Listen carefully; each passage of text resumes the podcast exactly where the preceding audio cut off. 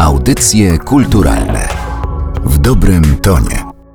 Czas na kolejne spotkanie w audycjach kulturalnych. To jest podcast Narodowego Centrum Kultury. Ja się nazywam Aleksandra Galant. Jestem ciekawa, z czym kojarzą wam się świdermajery. Nie wiem, jak to jest w waszym przypadku, ale kiedy ja słyszę to słowo, jakoś mimowolnie przenoszę się w taki czas czy świat, który jest sielski, który kojarzy się z jakimś sierpniowym popołudniem, blisko rzeki. Okoliczności są dosyć przyjemne, nie dzieje się nic, co wywołuje napięcie. Trochę takie przeniesienie się w czasie, być może. Tymczasem, kiedy myślimy o Świdermajerach, warto pomyśleć o czymś dużo szerszym, dużo bardziej skomplikowanym, a przede wszystkim pomyśleć o ludziach. I wydaje mi się, że do tego właśnie zachęca i to właśnie sugeruje Katarzyna Chudyńska-Szuchnik, autorka książki Świdermajerowie. To jest książka poświęcona, hmm, no właśnie, powiedzieć, że tejże architekturze to jest trochę za mało, ale powiedzieć, że światu, który toczył się wokół Świdermajerów, to już chyba trochę lepiej, ale najlepiej oceni to sama autorka, bo Katarzyna Chudyńska-Szuchnik przyjęła zaproszenie i jest gościem dzisiejszego spotkania. Bardzo mi miło. Cześć, witaj. Książka nazywa się Świdermajerowie, a nie Świdermajery, jak zwykliśmy myśleć o tejże architekturze, która związana była z okolicami Śródborowa, Falenicy, Otwocka. Tymczasem ty mówisz, że to są Świdermajerowie. Tak, i trochę y, sugeruję, że będzie mowa o ludziach. Takim punktem wyjścia to są właśnie osoby, które projektowały, tworzyły i budowały tą architekturę od końca XIX wieku przez początki XX wieku, przez lata 20 i 30, czyli mam na myśli czterech moich bohaterów, bo tak już się z nimi zżyłam i tak już o nich myślałam przez ostatnie dwa lata. To jest mistrz Ciesielski, to jest inżynier budowniczy i to są dwaj technicy budowlani. Ostatecznie w zasadzie możemy ich wszystkich nazwać architektami, ponieważ ich zadania, ich praca była podobna. Oni rysowali projekty tych drewnianych willi bądź pensjonatów, które znamy właśnie z tych charakterystycznych zdobień koronkowych, ażurowych, balustrad, werend i tak dalej. I też rozwijali tą architekturę, bo ta architektura letniskowa tu podwarszawska również no, przychodziła kolejne swoje mody, więc oni za tym starali się podążać. Więc zaczęłam od tych właśnie budowniczych architektów, ale później okazało się, że równie ciekawie można opowiedzieć losy tejże architektury poprzez inne osoby z nią związane, czyli inwestorów, z którymi ci budowniczowie współpracowali, dla których pracowali, ich rodziny. Oni też sami byli mieszkańcami linii otwockiej, więc współtworzyli te w zasadzie dopiero powstające osiedla. A później, tak jak ta architektura przeżywała po wojnie, czy w czasie wojny i mieszkańcy, czy właściciele przeżywali gehenne i bardzo trudne chwile i musieli się odnaleźć w zupełnie nowej rzeczywistości, albo po prostu no, zginęli, tak, zostali zamordowani. Taki sam los podzielali ci moi bohaterzy budowniczo. Myśląc o architekturze, można też myśleć o ludziach, myśleć o ich losach, bo przecież Świdermajery to jest Polska przedwojenna, to przedwojenne letnisko, pewien komfort, standard życia. To jest pięknie przytaczane w twojej książce przez Kirę Gałczyńską, która opowiadała, zdradziła skąd się wzięło słowo Świdermajer.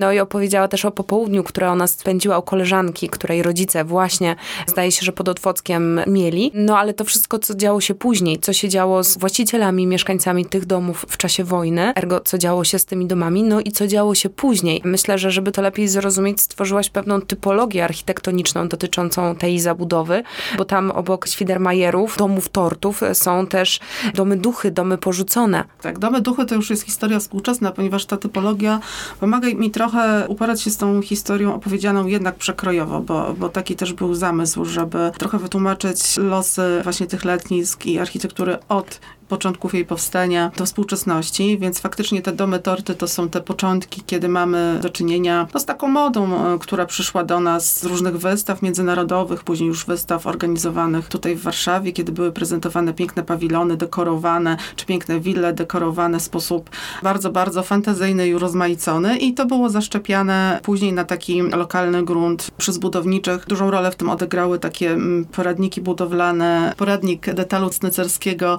Bernarda Libolda, którzy lokalni cieśle właśnie nosili gdzieś po kieszeniach, bo to było właśnie takie małe kieszonkowe wydanie. Opowiadałaś o tych wystawach i pawilonach, w których były prezentowane te projekty i też przytaczasz słowa Bolesława Prusa, który chyba był lekko sceptyczny i powiedział, że są to cacka, jakich Warszawa jeszcze nie widziała. Tak, bo one były trochę przesadzone, umówmy się. Wtedy już za chwilę do budownictwa wchodził żelbet, za chwilę w Warszawie pojawiły się pierwsze wysokościowce, a tutaj nagle dalej te drewniane konstrukcje, te sielskie chatki, bo to było wprost odwołanie do takiej wiejskiej polskie chatki, co prawda w Alpach szwajcarskich, ale ciągle jednak takiej bardzo szalenie prostej, no ale one też e, sugerowały jakąś filozofię, która narzucała nam taki prosty, miły, niewymagający odpoczynek. On oczywiście przybierał różne formy i nad tym się specjalnie nie rozwodzę. Myślę, że tutaj e, można się zagłębić w ogłoszenia dawne prasowe, czy właśnie w różne relacje, które są z tamtych lat. No ja chciałam pójść takim tropem, który byłby też dla mnie nowy i ciekawy, więc mamy te domy torty i później w zasadzie no, robi się trochę strasznie, bo już mamy domy bezpańskie, domy wspólne, czyli te domy komunalne, domy wysiedlonych, czyli te domy, które po prostu straciły swoich właścicieli.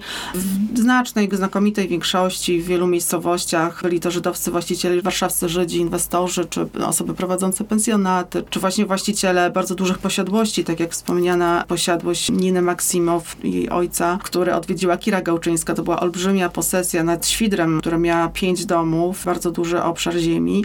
Absolutnie wspaniały, nie dziwię się, że, że się tam Gałczyńscy zachwycili, no bo on do dziś zachwyca, chociaż jest już właśnie znacznie, znacznie zmieniony i bardziej czuć tą atmosferę tych domów bezpańskich, tak, czyli takich domów, które potencjalnie te domy nie były nigdy jakoś tak zupełnie opuszczone. One miały oficjalnie swoich administratorów, ale ciągle tak naprawdę to była taka nominalna opieka, która często wiązała się z takim no, przyzwoleniem na, na ich ubożenie, na ich ograbienie, na to, że wtórnie po prostu stawały się budulcem dla innych domów, do przeróbek. Były to po prostu deski, cegły z fundamentów już po wojnie. Zupełnie inaczej na nie patrzono przez wiele, wiele lat. No i właśnie opisuję to dalej, idąc tą typologią, która jakby bardzo mi pomogła, ułożyła mi patrzenie na te procesy, które się tam działy, czyli właśnie domy wspólne, domy Pekiny, na początku się trochę obawiałam, czy sięgać po takie lokalne określenia, które no, są trochę gwarowe, właśnie te Pekiny. To nie są warunki, w których większość osób chciałaby mieszkać, czyli jakieś zagęszczone mieszkania poniżej standardów. Większość tych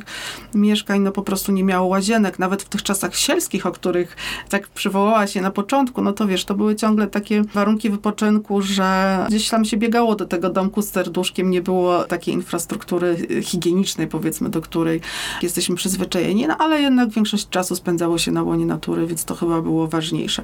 No i dalej takim określeniem też, którym mocno wahałam się, czy użyć, to było świderfajery. Ostatecznie przełożyłam na taki literecki język domy ogniska, tak należy to nazwać. Jeśli sobie wyobrażamy dom ognisko, to on właśnie dokładnie tak wygląda. Jak widać zdjęcia, które czasami strażacy udostępniają, którzy bardzo często znają ten temat od podszewki, strażacy z linii otwockiej, no to, to faktycznie wygląda taki dom, który płonie, wygląda jakby był prześwietlony na rentgenie tak? Tam po prostu widać jego szkielet, który jeszcze jakoś stoi, a reszta już no, jest cała w płomieniach. Przez kolejne takie określenie trochę zastanawiałam się, czy ono będzie adekwatne, ale ostatecznie, ponieważ ja dużo materiału czerpałam z rozmów z ludźmi i dużo tego języka mówionego i takiego żywego przetwarzania tych tematów związanych z posiadaniem domów, czy, czy z mieszkaniem w tych domach jest po prostu w tej książce, no to kolejne określenie jest domy skarbonki, tak? No może też trochę za bardzo dosadne, ale ostatecznie gdzieś tam część prawdy przekazujące. Oczywiście, chociażby w tym rozdziale o domach skarbonkach, staram się zaprezentować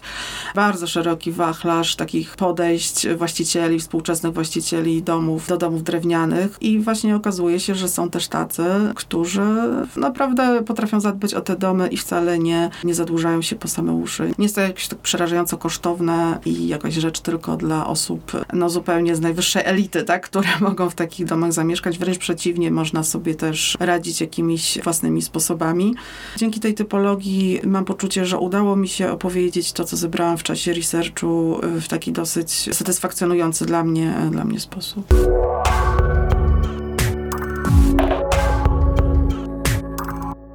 Jestem jeszcze trochę przy tym, co powiedziałam na początku rozmowy, mianowicie o tym sielskim skojarzeniu ze Świdermajerami. Ty te okolice znasz, chodziłaś tam, rozmawiałaś z ludźmi, być może towarzyszył ci Philip Springer, bo to właśnie jego zdjęcia możemy oglądać w książce. Są to oczywiście zdjęcia domów z tychże okolic i zastanawiam się, jak tam jest. Przyznam się, że ja sama tam nie byłam. Zdjęcia budują bardzo konkretną atmosferę, myślę, że dosyć daleką od sielskiej, ale z drugiej strony sama mówiłaś i to też pojawia się w książce, że tam jest życie, tam życie toczy się normalnie i w tych domach w skarbonkach i w tych domach, które nie są w najlepszym stanie, ale jednak mają swoich lokatorów. Czy można powiedzieć, że tam cały czas unosi się duch tej minionej epoki, tej świetności, czy po prostu życie potoczyło się dalej? To znaczy, no już takiego charakteru osiedla spójnego z tymi domami, które są tam obok siebie, to już tego absolutnie nie ma, ponieważ zwykle te posesje wyglądały tak, że, że to było około 5 tysięcy metrów, czasami więcej, czasami mniej. Raczej mniejszych działek nie sprzedawano, ponieważ bardzo wówczas władze uzdrowiska Otwocka czy władze letniska Felenica pilnowały, żeby nie dochodziło do zagęszczenia, więc to regulowały przepisy i na takiej działce stawiano, no też mówmy się, te domy, te pensjonaty, te wille stawiano dla zysku, więc było ich na działce kilka, pięć, czasem więcej, czasem trzy i one stanowiły takie spójne kompleksy. No i tego nie mamy. Często mamy tak, że z danej willi, bo tak jakby cały ten obszar powiedzmy pięciu tysięcy, on się też nazywał willa, mimo że mowa jest o kilku budynkach, to czasami z takiej danej posesji została stróżówka, czasem kuchnia, bo kuchnie też było oddzielnie, czasem jakiś jeden budynek. Bardzo często stają się te budynki najmniej wizerunkowo spektakularne, jakieś takie niepozorne. Właśnie te, te stróżówki, te dozorcówki, jakieś kuchnie, domki ogrodnika, to one jakoś tak czasami mówią nam po kształcie drzew, tak, po kształcie posesji, jak tam biegnie ogrodzenie, można się domyśleć, jak to kiedyś wyglądało. Więc taką spójność absolutnie te okolice zatraciły. No też zmieniło się zupełnie granice tych y, miejscowości, bo letnisko Falenica rozciągało się od Anina po Świder, czyli to było już za rzeką Świder. Dzisiaj na tym terenie mamy miasto stołeczne Warszawa, mamy miasto Józefów i mamy Otwock. Jak tam się toczy życie, wiesz co, ja raczej nie, mimo że też tam mieszkam, bo przeprowadziłam się, ponieważ mój mąż pochodzi y, z Józefowa i odkąd go znam od kilkunastu lat, blisko dwudziestu, ja w Józefowie jestem bardzo często, więc też miałam okazję, no tak na bieżąco, mimochodem śledzić, jak ta okolica się zmienia. Generalnie ja nie czułam takiej kontynuacji tego charakteru, o którym mówisz.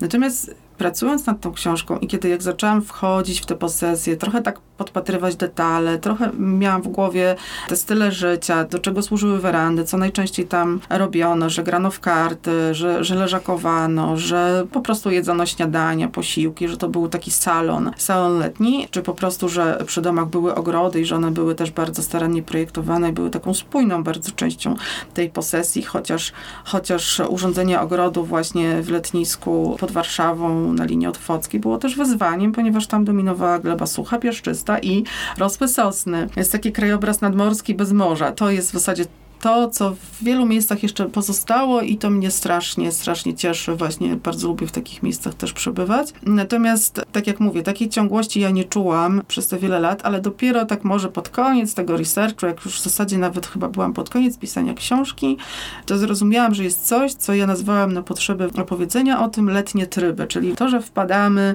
w taki, powtarzamy jakieś zachowania, czy właśnie, że spędzamy czas przy tych domach na zewnątrz, że tam faktycznie wydaje mi się, że mieszkańcy tych domów domów, czy to są domy komunalne, czy są to domy właścicieli, którzy mają do dyspozycji cały jeden dom, tak dla siebie, nie dzielą go z innymi rodzinami, no że oni faktycznie spędzają więcej czasu na, na zewnątrz, żyją takim trybem letnim, jak ja to nazwałam. Spędziłaś dużo czasu zbierając materiały, śledząc archiwa, rozmawiając z mieszkańcami. Mhm. Co sądzisz o przyszłości Świdermajerów, to znaczy o tej całej okolicy, bo mówienie, że to jest sama architektura budynków, to jest trochę za mało, ale jak myślisz, jaka będzie przyszłość tego miejsca, tych okolic, tych, które mają tak bogatą przedwojenną historię, których losy potoczyły się tak, a nie inaczej, w których teraz ten świat też wygląda ciut inaczej niż ten, który znamy chociażby z perspektywy tej głośnej, hałaśliwej, nowoczesnej Warszawy. Co będzie dalej? Na pewno trzeba podkreślić, że te okolice się bardzo silnie urbanizują i zagęszczają. To, to chociażby te okolice właśnie, które ja znam, no to są po prostu miasta satelitarne, stolicy, więc nie ma co mieć złudzeń, że pozostanie chociażby to, o czym mówiłam, czyli te posesje, tak jak kiedyś kiedyś na, na tych działkach 5-10 tysięcy metrów można je było zabudowywać w jakimś procencie 3%, 5%, tak? To była dopuszczalna zabudowa. Teraz absolutnie to bardzo się zagęszcza. Zmieniły się realia, w jakich żyjemy. Niestety, ale miasto uzdrowiska Otwock, dzisiaj Otwock, jeszcze do niedawna Józefów na mapie smogowej miały kilkunastokrotne przekroczenia, tak? Dopuszczalnych norm zanieczyszczenia powietrza, więc no jest dużo plusów, dużo minusów też tych zmian, można powiedzieć chyba cywilizacyjnych, które się potoczyły. No i to wszystko też wpływa na tą architekturę drewnianą. Jakby cała chęć jednak mieszkańców miasta do przenoszenia się za miasto może być dla takiej architektury tożsamościowej, bo Świdermajery, pensjonaty są na pewno tożsamością tych dawnych letnisk. Może być szansą, ale może być też zagrożeniem, no bo w zasadzie częściej mamy taką sytuację do czynienia, że dany dom jest po prostu rozebrany, żeby działka została sprzedana, niż jednak, że jest zrewitalizowany i służy nowym mieszkańcom. Bo nie chciałabym chyba do końca wróżyć, jak będzie wyglądała przyszłość, ale mogę mówić o tym, co zaobserwowałam, więc na pewno jest duża grupa ludzi, którzy widzą potencjał w tej architekturze, którzy chcą w niej mieszkać, którzy chcą ją zaadaptować, nie boją się jakichś takich też trochę stereotypów związanych z tym, że dom jest drewniany, że te kolki opadły, że tam jest zimno, że nigdy się tego nie ogrzeje, albo że są to straszne koszty, że to drewno trzeba przecież ciągle i wiecznie konserwować, tylko jakby doceniają walory mieszkania w takim domu i grupa takich osób w zasadzie myślę, że się chyba powiększa cały czas i w ogóle, że ona jest, że ona zaczyna dochodzić do głosu i to daje jakąś taką szansę na, ja bym to chyba tak nieśmiało nazwała, na taką oddolną rewitalizację. Myślę, że te miejsca, które kojarzymy no, z różnych przekazów, jako te miejsca właśnie sielskie, wakacyjne tutaj na linii otwockiej, jednak no, trzeba sobie wprost powiedzieć, to są takie miejsca zdegradowane, tak też w dużej mierze zaniedbane, więc takie słowo rewitalizacja pewnie jest na miejscu, pewnie pewnie dobrze to opisuje potrzeby zmiany. Mam nadzieję, że to się wydarzy. Ja też miałam okazję, potrzebę może bardziej, którą udało mi się zrealizować, pojechanie do zwierzęcia w Wilnie i tam mam poczucie, że może nie te procesy, które opisałam, czyli to, że domy płoną albo że są przerabiane nie w taki sposób, czy remontowane nie w taki sposób może zgodny z, z tym, jakby sobie życzył zawsze konserwator zabytków, to one się tam też dzieją, ale mam wrażenie, że tam zwierzyniec jednak odrobinę się zrewitalizował, jest, wtopił się w miasto, jest częścią miasta, on tak żyje sobie, ma tą swoją odrębność, ma tą swoją taką sielskość, taki czuje się, że czas tam płynie wolniej i faktycznie jest tam bardzo wiele ciekawych architektonicznie domów, też budowanych jak najbardziej dla odpoczynku, na wynajem, na mieszkania letniskowe, ale mam poczucie, że tam jakby weszło to życie, że tam mamy knajpki, tam mamy showroomy, tam mamy jakieś takie sklepy, takie miejsca z takim nowym życiem, tak? I myślę, że tego trochę mi brakuje na linii otwockiej. Jakieś małe y, jaskółki, że tak może być, tam są, bo właśnie a tu jakaś sauna plenerowa gdzieś jest otwarta, tu, tu jest restauracja, która się nazywa letnisko. Jakieś takie odwołania powoli zaczynają się tworzyć i myślę, że super, że to powinno iść w tą stronę, ale że też może nie powinniśmy tylko na takim letniskowym, weekendowym podejściu skończyć, może powinniśmy też pójść krok dalej, tak żeby na przykład te domy były odnawiane i, i, miały bardzo różne cele. Przecież to nie muszą być tylko, nie wiem, właśnie kliniki medycyny, domy kultury, czy jakieś deweloperskie, wyjątkowe oferty, ale może mógłby to być też jakiś dom wspólnego zamieszkania dla starszych osób. Wydaje mi się, że rynek nieruchomości jest na tyle szeroki, że mógłby też jakieś fajne, alternatywne rozwiązania zaproponować. Nie uda nam się przewidzieć, jaka będzie przyszłość tych zabudowań na linii otwockiej, o których rozmawiamy, tego świata, który jest wokół tego miejsca skoncentrowany, ale jeżeli chcielibyście się dowiedzieć, jaka jest jego historia, to zachęcam Was, żeby sięgnąć po książkę Świdermajerowie. To jest książka ze zdjęciami Filipa Springera, którą napisała Katarzyna Chudyńska-Szuchnik, która była też gościem naszego dzisiejszego spotkania. Bardzo dziękuję za rozmowę. Dziękuję. Audycje kulturalne w dobrym tonie.